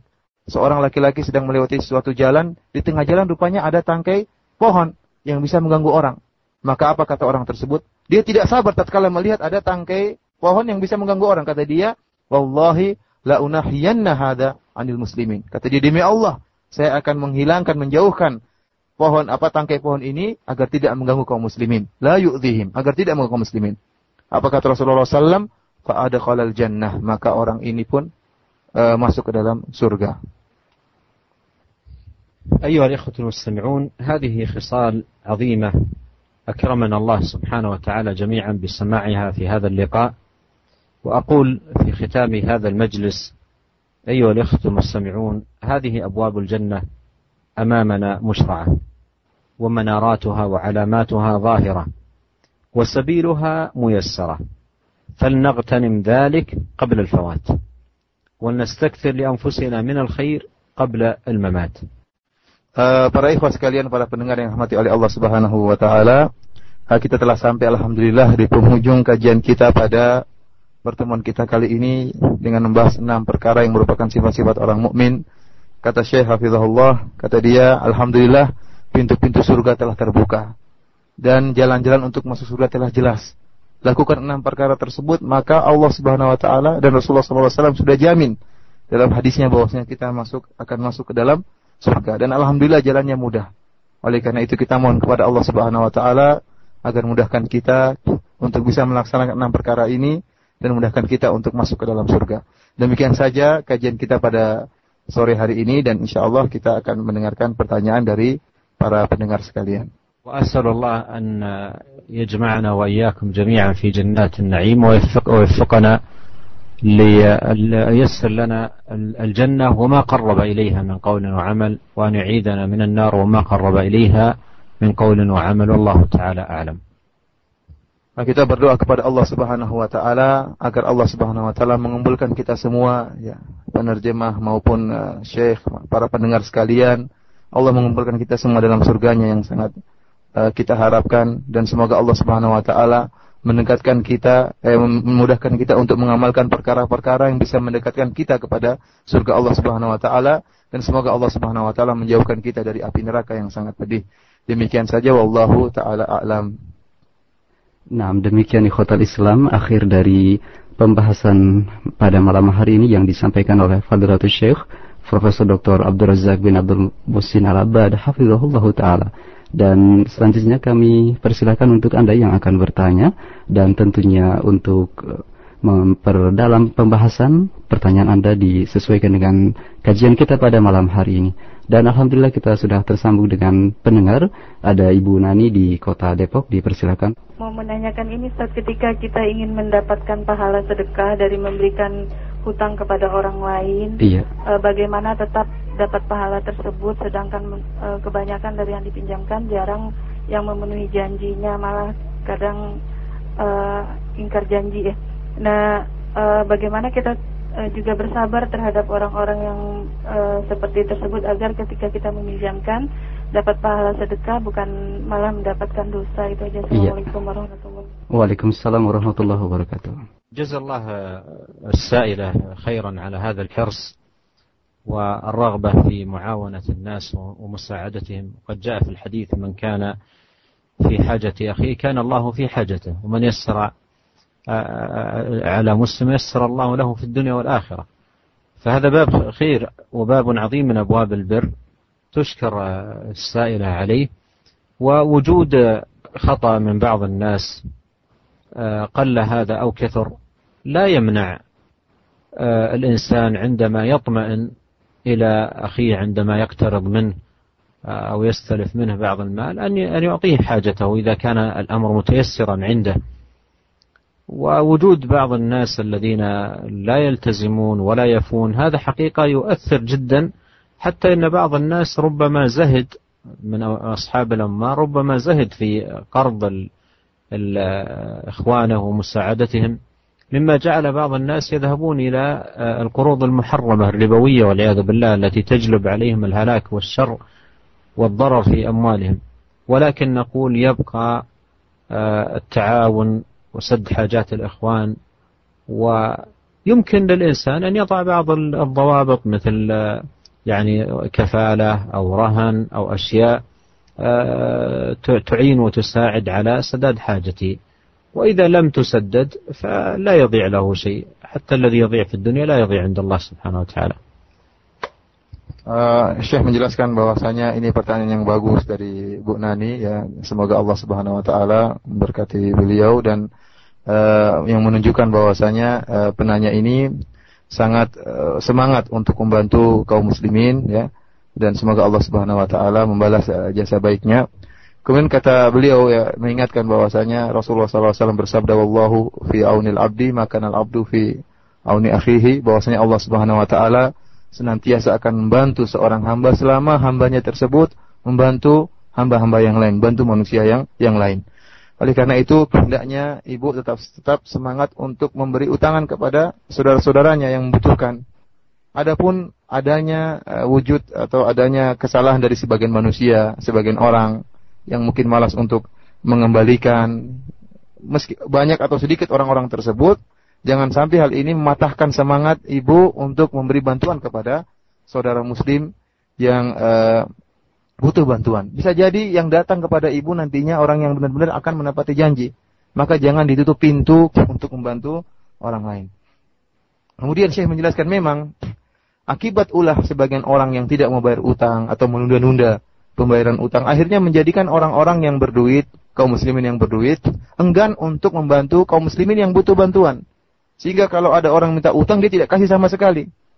Hal ini akhirnya apa? Menyebabkan orang-orang pun pergi ke praktek-praktek yang haram seperti riba, pinjam uang di bank ya. Kenapa? Karena kalau dia pergi ke orang soleh tidak dikasih utangan. Jadi padahal dia ke terses, apa, terdesak, kebutuhannya sangat mendesak, akhirnya dia pun nekat pergi ke tempat-tempat yang haram, ke bank dan yang lainnya. Oleh karena itu saya mengingatkan adanya kesalahan seperti ini jangan sampai akhirnya memutuskan semangat ibu untuk membantu orang lain. Kemudian saya ingatkan bisa jadi ibu meletakkan bawabit, meletakkan cara-cara mengadakan cara-cara agar mereka uh, tidak melanggar janji. Contohnya misalnya ibu minta uh, dari mereka misalnya apa namanya rohan, minta jaminan dari mereka. Kalau mereka ingin pinjam duit, minta jaminan supaya mereka iltizam, supaya mereka menempati janji. Kita minta barang, mana minta seperti kita gadai, mana gadaiannya, mana barangnya, mana jaminannya. Baru kita kasih pinjaman agar mereka tidak menyelisih janji. Kalaupun kata Syekh, kalaupun seandainya ternyata mereka menyelisih janji dan tidak bayar utang, ingatlah apa yang telah ibu korbankan tidak akan hilang. Nah Allah akan menggantikannya di dunia, apalagi di akhirat. Kalau hilang di dunia pun tidak akan hilang di akhirat, semuanya tercatat sebagai amalan soleh ibu. Demikian saja. Taib. Selanjutnya kita angkat kembali pertanyaan dari penelpon ada Bapak Firman Syah di Kota Tangerang. Kita persilakan. Assalamualaikum warahmatullahi wabarakatuh. Ya, saya mau bertanya nih. Uh, bagaimana dengan seseorang yang sudah balik, kemudian uh, ia menginginkan, menginginkan pernikahan, namun ia uh, tidak bisa karena uh, kefakiran kemiskinan. Tolong jelaskan tentang ini. هذا السؤال يدل على خير ورغبة صادقة والإنسان ينبغي أن يستغل إقبال نفسه على الخير يصلح نفسه ويبعدها عن الفتن فعليه أن يفعل أمورا عديدة الأول الدعاء والدعاء مفتاح كل خير. يسأل الله عز وجل أن يحصن فرجه وأن ييسر أمره وأن يسهل زواجه ويدعو الله صادقا ملحا على الله سبحانه وتعالى. والأمر الثاني يحافظ على العبادة ولا سيما الصلاة. إن الصلاة تنهى عن الفحشاء والمنكر. يحافظ عليها في أوقاتها وسننها واجباتها وأركانها يعتني بالصلاة عناية عظيمة ويعتني بفرائض الإسلام. الأمر الثالث يبتعد عن الأسباب آه، التي تؤدي إلى المحرم من صلات محرمة أو مشاهدات محرمة أو سماعات محرمة أو غير ذلك يغلق هذه المنافذ. ثم أيضا رابعا يعمل بالوصية التي جاءت في الحديث الصحيح عندما قال عليه الصلاة والسلام أيها الشباب من استطاع منكم الباءة فليتزوج فإن لم يستطع فعليه بالصوم فإن فإنه له وجاء Uh, kata beliau bahwasanya pertanyaan ini pertanyaan ini menunjukkan uh, tujuan yang baik dari sang penanya di mana dia ingin uh, apa menjauhkan dirinya daripada kemaksiatan ya. Oleh karena itu Syekh mengingatkan orang yang hendak menjauhkan diri dari kemaksiatan ya, maka hendaknya dia melakukan perkara-perkara berikut. Yang pertama, hendaknya dia berdoa kepada Allah Subhanahu wa taala. Mohon kepada Allah Subhanahu wa taala untuk menjaga kemaluannya dan menjaga mohon kepada Allah Subhanahu wa taala agar mudahkan dia untuk segera menikah. Dan ingat doa yang benar-benar doa. Doa yang menunjukkan orang yang benar-benar berharap dan minta-minta, merengek-rengek minta kepada Allah Subhanahu wa taala. Yang kedua, hendaknya dia menjaga sholatnya. Perhatian sholat. Sholat tepat pada waktunya. Secara berjamaah diperhatikan dengan benar-benar. Karena kata Allah Subhanahu wa taala, "Inna sholata tanha 'anil fahsya'i wal munkar." Bahwasanya sholat itu bisa mencegah dari kekejian dan kemungkaran. Yang ketiga kata Syekh, dia menjauhkan dirinya dari perkara-perkara yang bisa menjerumuskan dia kepada syahwat dan pada e, keperbuatan kefasikan, perbuatan yang keji. Misalnya hendaknya dia menjaga e, pendengarannya dari mendengarkan hal-hal yang bisa mengge, mengge, mengge, menggelorakan syahwatnya, bisa menggejolak syahwatnya. Kemudian juga menjauhkan dirinya dari melihat hal-hal yang diharamkan oleh Allah Subhanahu wa taala yang bisa mengobarkan syahwatnya. Dia jauhi ini semua. Dan yang keempat hendaknya dia mengamalkan wasiat Nabi Shallallahu Alaihi Wasallam dalam sebuah hadis kata Nabi Shallallahu Alaihi Wasallam, Ya ma'asyar syabab, man istata'a minkumul ba'ah. Wahai para pemuda sekalian, barang siapa di antara kalian yang mampu untuk menikah, maka menikahlah. Karena itu bisa menjaga kemaluan dan bisa menundukkan pandangan. Kemudian kata Rasulullah SAW, fa alaihi bisyam fa innahu lahu wija. Dan adapun barang siapa yang belum mampu untuk menikah, ya, belum mampu untuk menikah, maka wajib bagi dia untuk berpuasa. Ya. Wajib bagi dia untuk berpuasa karena puasa itu merupakan benteng baginya. Baik, untuk selanjutnya masih dari penelpon ada Bapak Abu Rizal di Lenteng, Jakarta Selatan. Kami persilakan untuk Bapak, silakan. Ini, adakah uh, doa-doa agar istri anak sama anak-anak terlindung dari maksiat dan ngikutin jalur jalur salaf. Itu aja saya. Assalamualaikum warahmatullahi wabarakatuh. Waalaikumsalam warahmatullahi wabarakatuh. Terima kasih Bapak Abu Rizal. الأدعية في هذا الباب كثيرة جدا لكن من الأدعية المهمة المحافظة على الذكر في الصباح والمساء الثابت عن النبي صلى الله عليه وسلم وهو أن تقول وتعود أولادك أن يقولوا في الصباح والمساء اللهم إني أسألك العافية في الدنيا والآخرة. اللهم إني أسألك العفو والعافية في ديني ودنياي وأهلي ومالي. اللهم آمن روعاتي واستر عوراتي. اللهم احفظني من بين يدي ومن خلفي وعن يميني وعن شمالي ومن فوقي وأعوذ بعظمتك أن أغتال من تحتي. فهذا الذكر والدعاء عجيب جدا وعظيم ويحسن بالمسلم أن يحافظ عليه كل يوم في الصباح وفي المساء ويعود أولاده على ذلك. وكل مرة يخرج من بيته يقول اللهم إني أعوذ بك أن أضل أو أضل أو أزل أو أزل أو أظلم أو أظلم أو أجهل أو يجهل عليه والأدعية في هذا الباب كثيرة لكن هذان الدعاءان عظيمان في هذا الباب. ومر معنا في الشرح بعض الأدعية. uh, kata beliau banyak doa, tapi kata beliau wasiatkan jangan lupa ada satu doa yang sering dibaca dan merupakan zikir pagi petang, ya. dan hendaknya bapak-bapak sekalian ya terutama penanya untuk mengajarkan anak-anaknya untuk berdoa dengan doa ini. Mengajarkan keluarganya istri dan anaknya untuk berdoa dengan doa ini yaitu Allahumma inni as'alukal afiyata fid dunya wal akhirah Allahumma inni as'alukal afa wal afiyata fid dini wa dunyanya wa mali wa ahli Allahumma astur aurati wa amin rawati Allahumma hfadni min baini yadayya wa min khalfi wa min tahti wa, min, wa an aqtu wa an min tahti uh, doa tersebut mungkin Bapak bisa lihat di eh, buku-buku uh, doa, insya Allah Bapak akan dapatkan di tentang bab uh, zikir pagi petang. Kemudian juga dan itu harus dihafal dan diharapkan diajarkan kepada anak dan istri-istri istri bapak dan anak bapak untuk selalu membaca doa tersebut pagi dan uh, sore hari dan berusaha untuk memahami maknanya ya.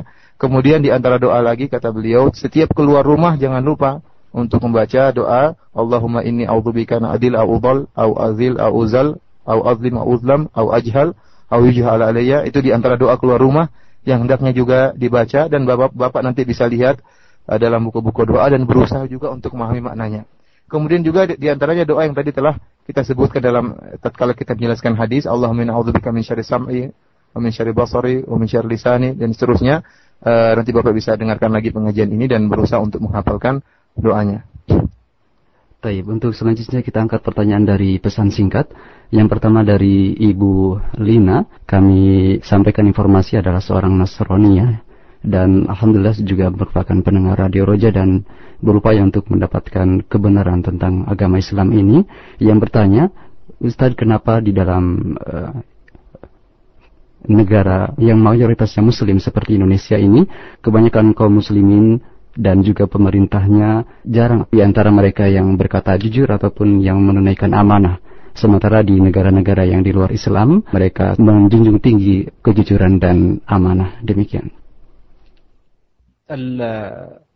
السائلة تسأل وتذكر أنها تجد في بعض من يتعامل معهم من المسلمين أو من المنتمين للإسلام من يخل بهذه الآداب العظيمة التي ذكرت في هذا الحديث والذي أحب أن أبينه أن كل مبدأ وكل عقيدة وكل ديانة على وجه الأرض يوجد في المنتمين لها من هو محافظ ومن هو مضيع ومن هو مفرط تماما.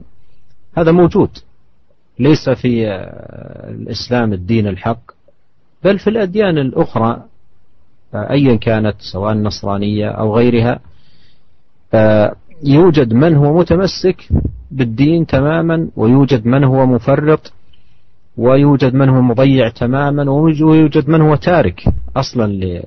فهذه أمور معروفة ومتقررة يعني ليست خافية وتقل في مكان وتزيد في مكان وليست ولا تعتبر في مقياسا. المقياس هو هذا الذي سمعته السائلة من دين الإسلام مما جاء في كتاب الله وسنة نبيه صلى الله عليه وسلم.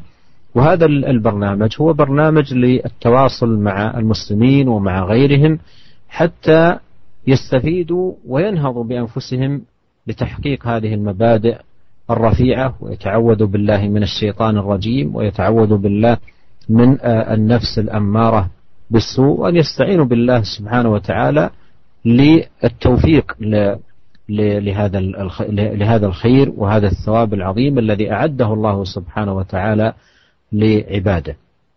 وهذه أيضا دعوة لكل مسلم أن يتقي الله سبحانه وتعالى في إسلامه وأن يحرص على المحافظة على آداب دينه ليكون مثالا صحيحا للإسلام ولكي لا يؤتى الإسلام أيضا من قبله. حفظ الله سبحانه وتعالى الجميع.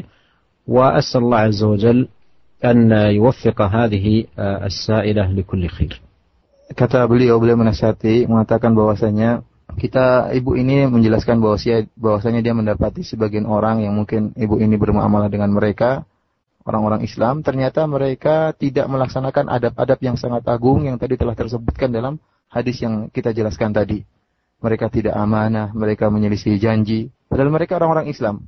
Saya menjelaskan bahwasanya demikianlah keadaan orang-orang yang mengaku beragama dalam agama apa saja, baik agama Islam, agama yang benar maupun agama-agama yang lain, ada orang-orang yang mereka, mereka memang KTP-nya Islam, KTP-nya Islam, tapi belum tentu mengamalkan Islam. Mungkin ada yang mengamalkan dengan baik, benar-benar beriltizam, berusaha melaksanakan ajaran Islam dengan baik. Ada yang cuek dengan Islam, bahkan ada yang meninggalkan Islam, hanya tinggal KTP-nya saja. Demikian juga agama-agama yang lain. Oleh karena itu beliau mengingatkan bahwasanya yang menjadi patokan dalam ajaran Islam bukan pelaku atau bukan personil daripada orang-orang Islam. Karena tadi kita katakan, personil orang yang mengaku beragama Islam bermacam-macam modelnya. Ada yang benar-benar Islam diamalkan dan ada yang meninggalkan Islam. Oleh karena itu menjadi patokan adalah hadis yang tadi telah kita sampaikan. Itulah ajaran Islam. Itulah ajaran yang dibawakan oleh Nabi Muhammad wasallam agar kita menjaga amanah dan kita jujur dalam dalam uh, berkata. Kemudian kata Syekh, uh, ini bernama acara yang kita lakukan ini insya Allah dua kali dalam sepekan dalam rangka untuk menasihati kaum muslimin. Agar mereka kembali kepada ajaran Islam, ajaran Nabi mereka, agar mereka berkata jujur, agar mereka menunaikan amanah, agar mereka melaksanakan adab-adab Islam yang mulai ditinggalkan oleh kaum muslimin. Dan bernamij ini juga, acara ini juga mengajak kaum muslimin ya, untuk agar mereka bisa menjadi contoh bagi umat yang lain, contoh yang benar, bukan malah menjadi bawa malapetaka bagi umat yang lain sehingga umat yang lain menjauh dari Islam gara-gara perbuatan mereka.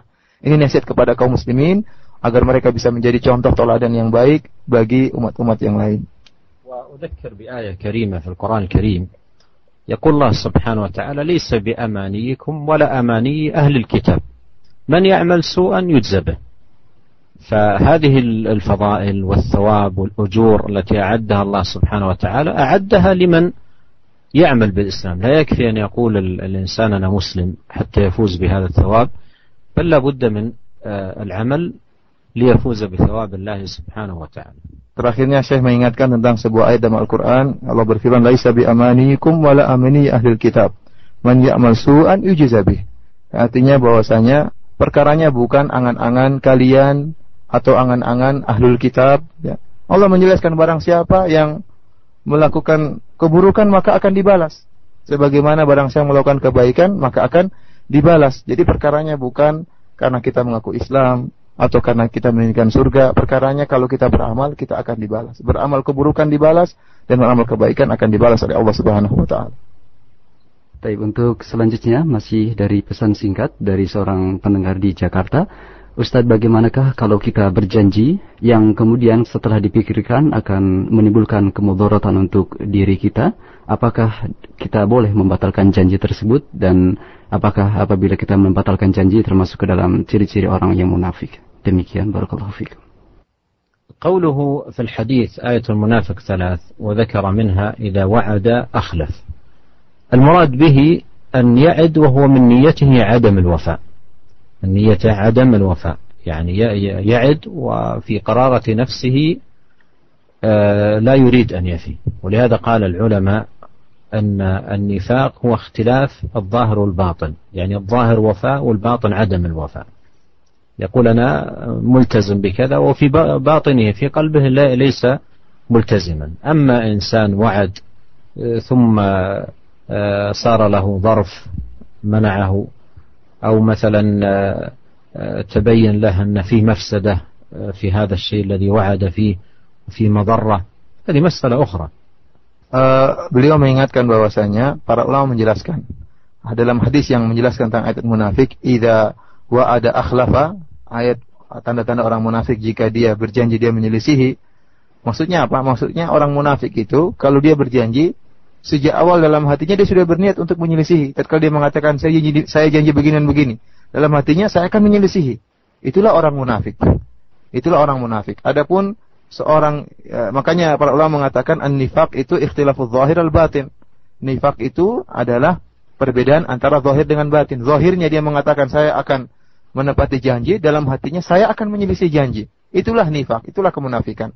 Adapun seorang muslim yang dia berjanji, kemudian dia pikir-pikir lagi ternyata janjinya itu mungkin akan mendatangkan mafsadah atau karena ada eh, kondisi-kondisi uh, tertentu, situasi dan kondisi yang membuat dia tidak bisa menepati janji, akhirnya dia menyelisih janji, maka itu perkara lain. Itu bukan per, uh, bukan ayat dari tanda orang munafik. Baik, selanjutnya dari saudari Fitri di Kota Tangerang kembali kita angkat. Assalamualaikum.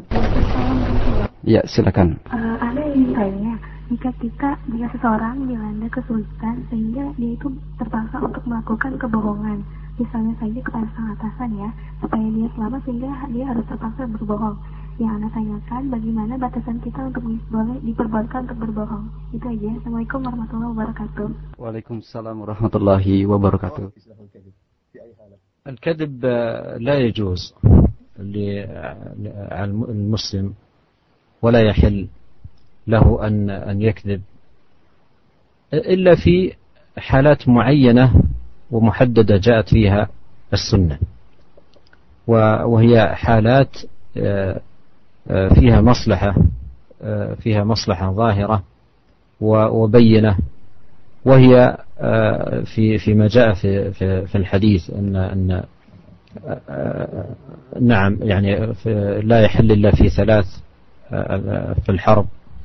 والحرب خدعة وفي حديث الرجل مع زوجته والصلح نعم والصلح بين المتخاصمين مثل أن يكون في خلاف بين رجل وآخر فتقول له سمعت فلان يثني عليك ويذكرك بالخير وحتى تؤلف بينهم وتصلح بينهم. أيضا حديث الرجل مع زوجته أو المرأة مع زوجها فيما ينمي العلاقة والصلة بينهما ويقوي الأواصر. فأما ما سوى ذلك فلا يجوز uh, beliau menjelaskan bahwasanya dusta itu adalah tidak diperbolehkan dan tidak halal, hukumnya haram. Kecuali dalam perkara-perkara yang tertentu sebagaimana dijelaskan dalam sunnah Rasulullah SAW, yaitu pada perkara-perkara yang maslahatnya jelas dan benar-benar nampak. Disebut dalam hadis bahwasanya dusta itu hukumnya haram kecuali dalam tiga perkara. Yang pertama dalam peperangan, ya, dibolehkan seorang untuk berdusta. Yang kedua yaitu pembicaraan antara seorang suami dan istri. Seorang suami diperbolehkan untuk e, menambah-nambah perkataannya, yang perkataan yang ada dustanya untuk menumbuhkan kecintaan istrinya. Demikian juga istrinya, ya mungkin gombal-gombal sedikit untuk menambahkan kecintaan suaminya. Ini diperbolehkan, ya untuk mempererat hubungan kasih sayang di antara mereka. Adapun yang ketiga yang diperbolehkan dosa yaitu tatkala untuk mendamaikan orang yang sedang bertengkar. Maka misalnya dia ingin menambahkan dua orang bertengkar, dia datang kepada si A, dia mengatakan, oh si B telah memuji kamu, si B telah melupakan kesalahanmu. Demikian juga dia datang kepada si B, dia mengatakan sebaliknya, si A ya telah memuji kamu. Padahal si A tidak pernah memuji si B.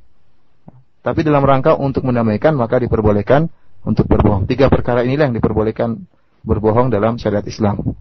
Baik, untuk selanjutnya kami angkat kembali dari penelpon ada Bapak Sufangat di Bekasi tadi masalah poin mas uh, menundukkan pandangan ya itu saya menanyakan uh, umumnya kalau di Indonesia sini ya pada umumnya kalau kita keluar itu kelihatannya orang yang sekian tidak Islam itu bertebaran di mana-mana.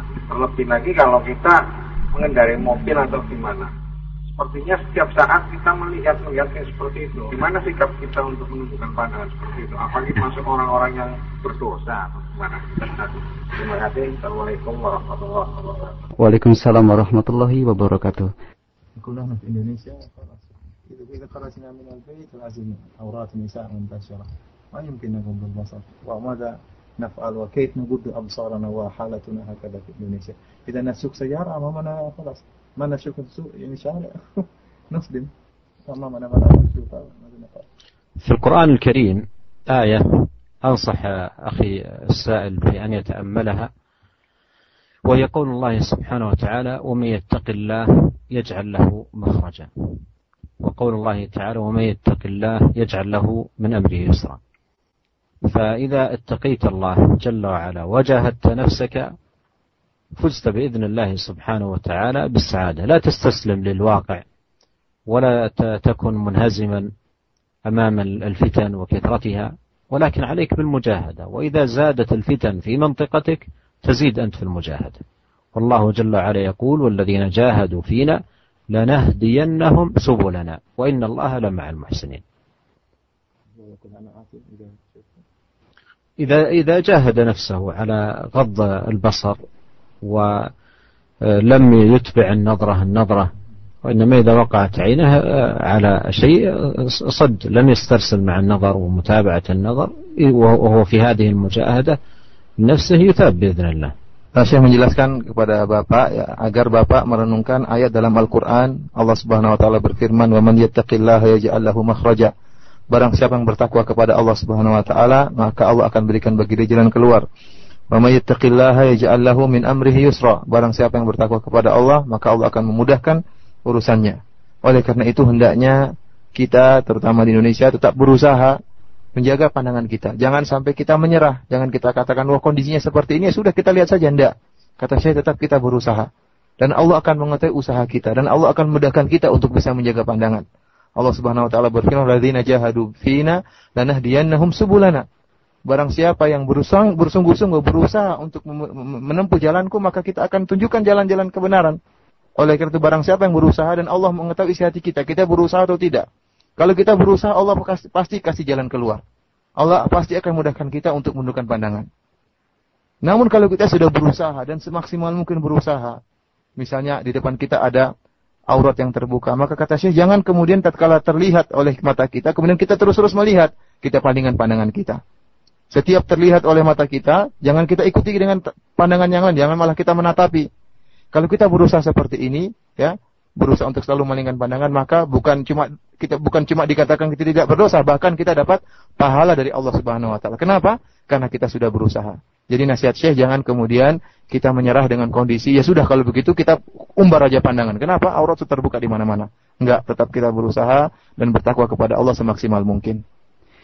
Taib. Uh, Ustadz untuk selanjutnya ini pertanyaan terakhir dari pendengar kita untuk malam hari ini dari Ibu Emir di Depok. Kami persilakan. Assalamualaikum Ibu.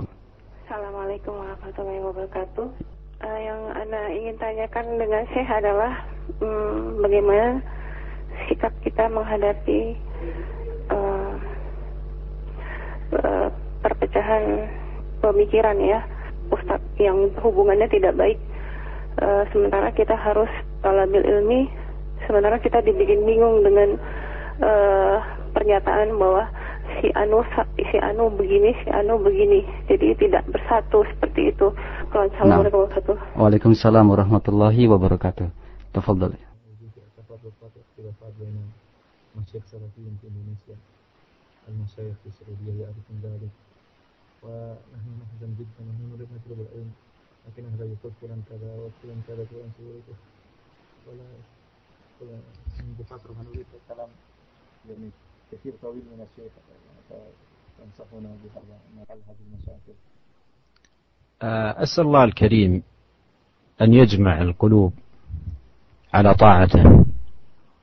في الدعاء المأثور. اللهم أصلح ذات بيننا وألف بين قلوبنا واهدنا سبل السلام. والفتن والخصومات والتنازعات تقع. الشيطان يحرش بين الناس ويفسد بين العلاقات ويوجد العداوات.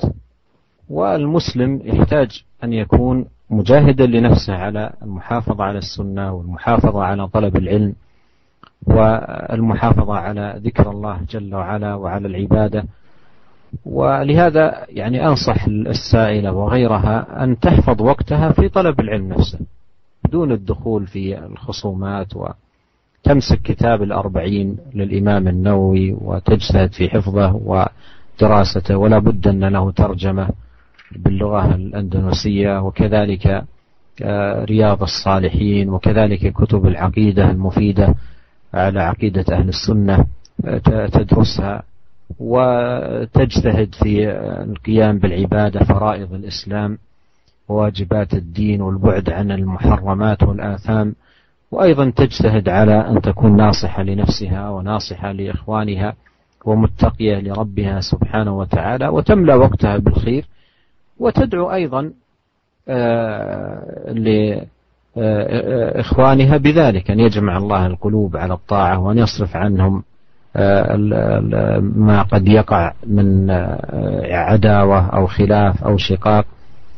والحمد لله الجادة واضحة والطريق بينة ومعالم الأمر ظاهر.